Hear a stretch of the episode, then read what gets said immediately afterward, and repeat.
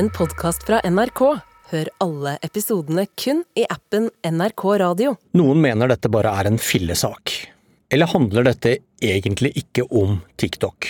Kan det hende at Emilie Enger Mehl lever farlig?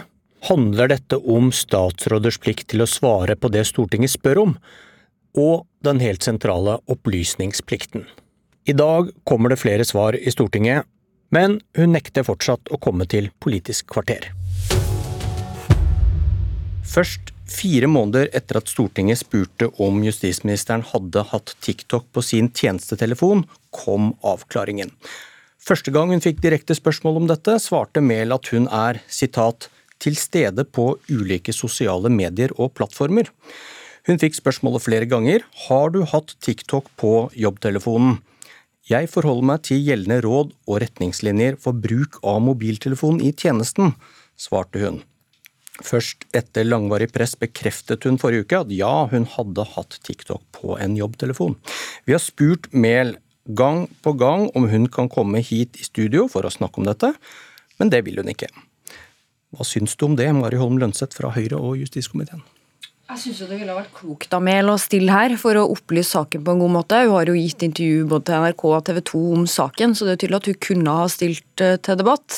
Jeg syns også det er ganske illustrerende eh, at hun ikke møter til debatt for å diskutere og opplyse den saken nærmere. Jeg syns ikke det videre er veldig tiltrekkende heller.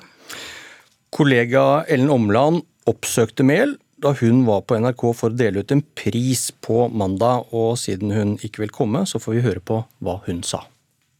Jeg har vært opptatt av å være så åpen og ærlig i denne saken som er eh, mulig og riktig hele veien. Forhørte du deg med departementet, NSM eller PST om eh, det var riktig å installere TikTok før du gjorde det?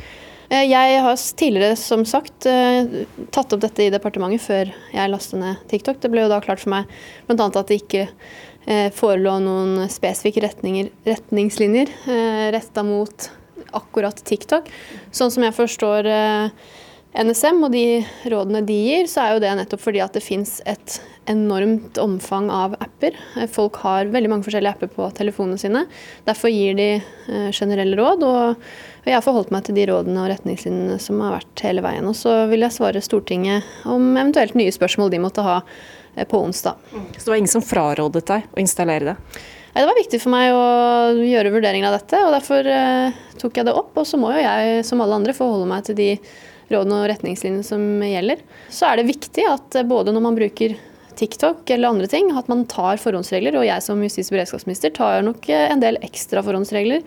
F.eks. For tenke på hvilke innstillinger man har på, eh, hva man lagrer på telefonen sin. Og for min del så er det jo også sånn at jeg har en rekke ulike enheter, og bruker de til f.eks. å håndtere ugradert eller gradert informasjon.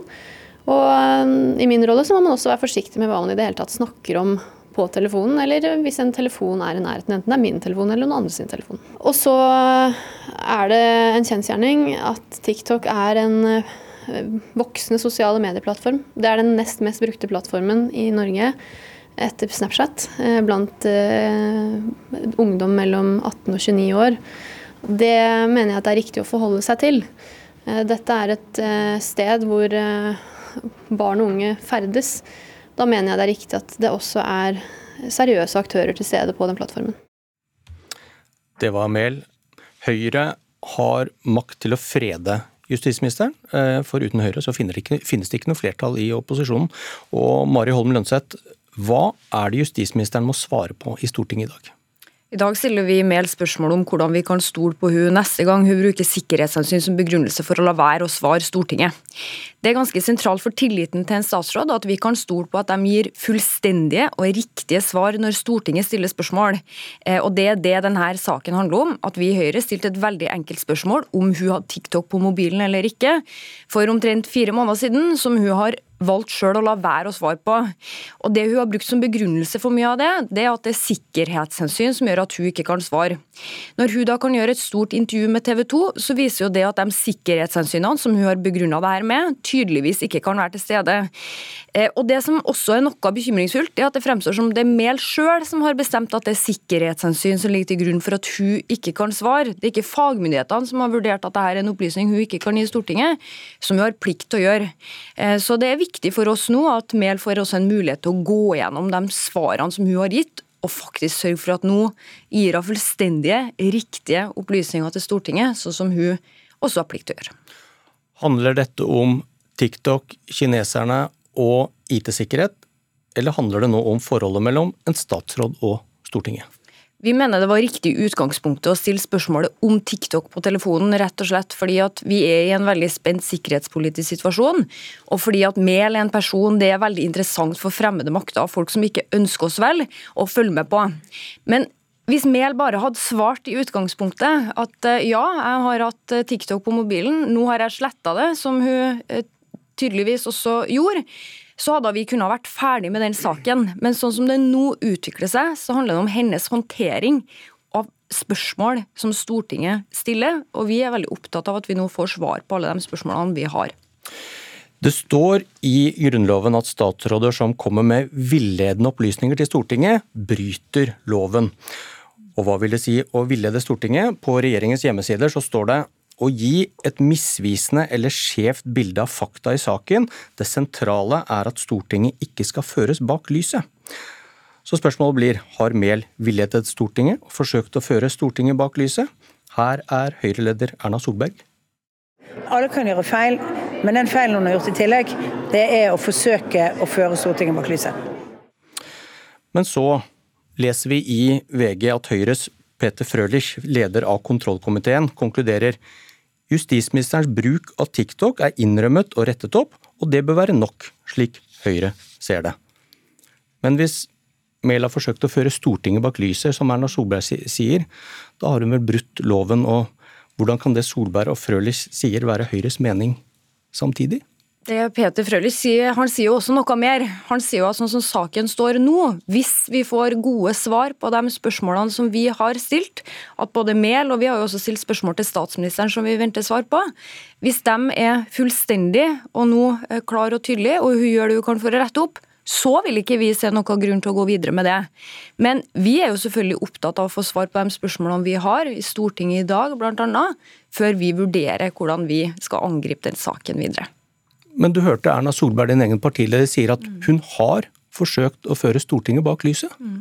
Men det også Erna Solberg sier, det er at det, er det som er viktig nå, er at Mehl tar denne muligheten til å rydde opp i de eh, uriktige svarene, eller de ufullstendige svarene som hun har gitt Stortinget.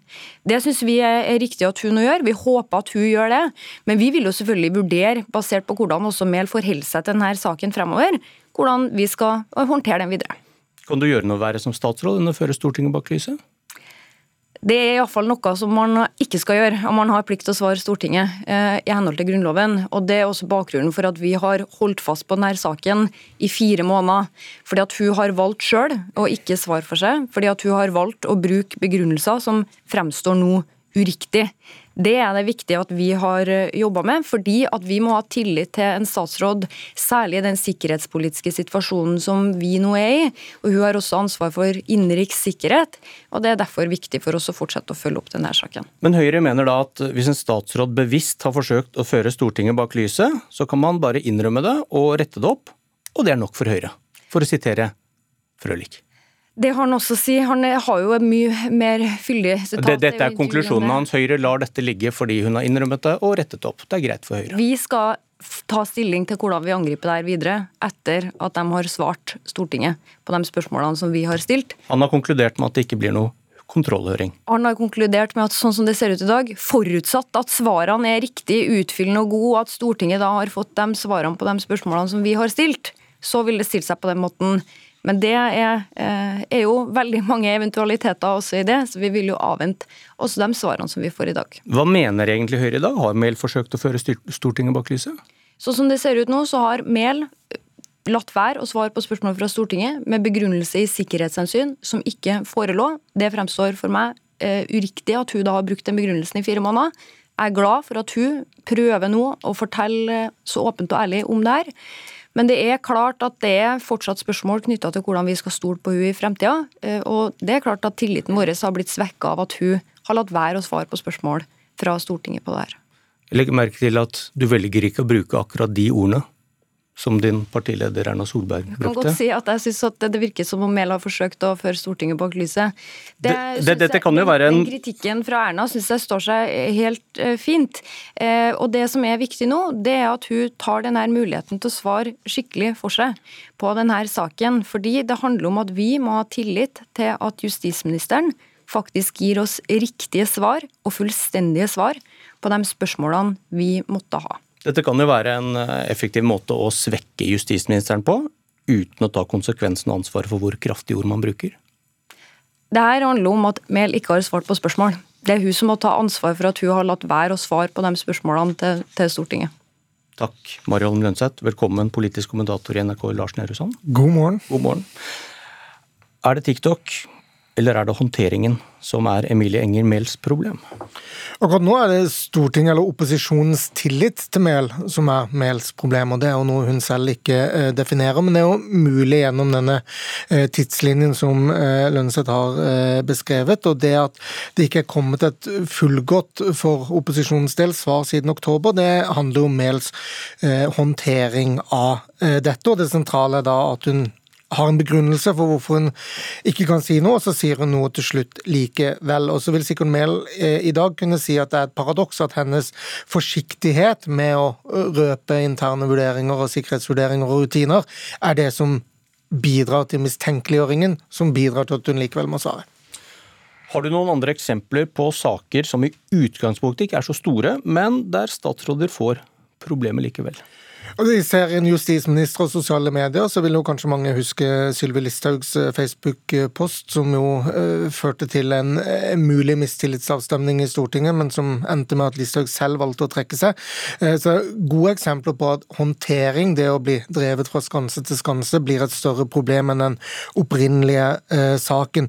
Så har vi litt beslekta med det som er poenget her. altså Har man gitt nok informasjon, har man dokumentasjon for det man sier, så fikk eh, finansminister Siv Jensen eh, kritikk fra Stortinget i et formelt fatta vedtak eh, i spørsmålet om eh, eh, diskusjonen mellom Finansdepartementet og SSB eh, i sin tid. Og så har vi en rekke saker over år hvor det at man ikke forteller hele sannheten, blir et stort problem for en statsråd, enten det er Manuela Ramin Osmundsen eller Per Sandberg f.eks. Hvordan vurderer du Mehls situasjon nå?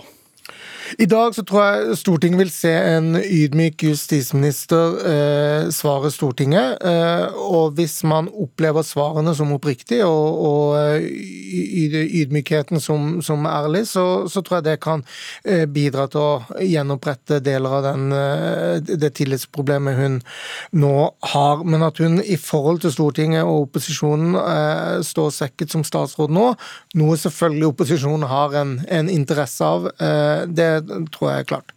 Ja, og som vi snakket om her i sted, Hvordan vurderer du Høyre i denne saken, der Erna Solberg har anklaget Mehl for å ha forsøkt å føre Stortinget bak lyset, som er sterke ord i parlamentarisk sammenheng, mens hennes mann i kontrollkomiteen sier at saken er citat, 'innrømmet og rettet opp', og det bør være nok.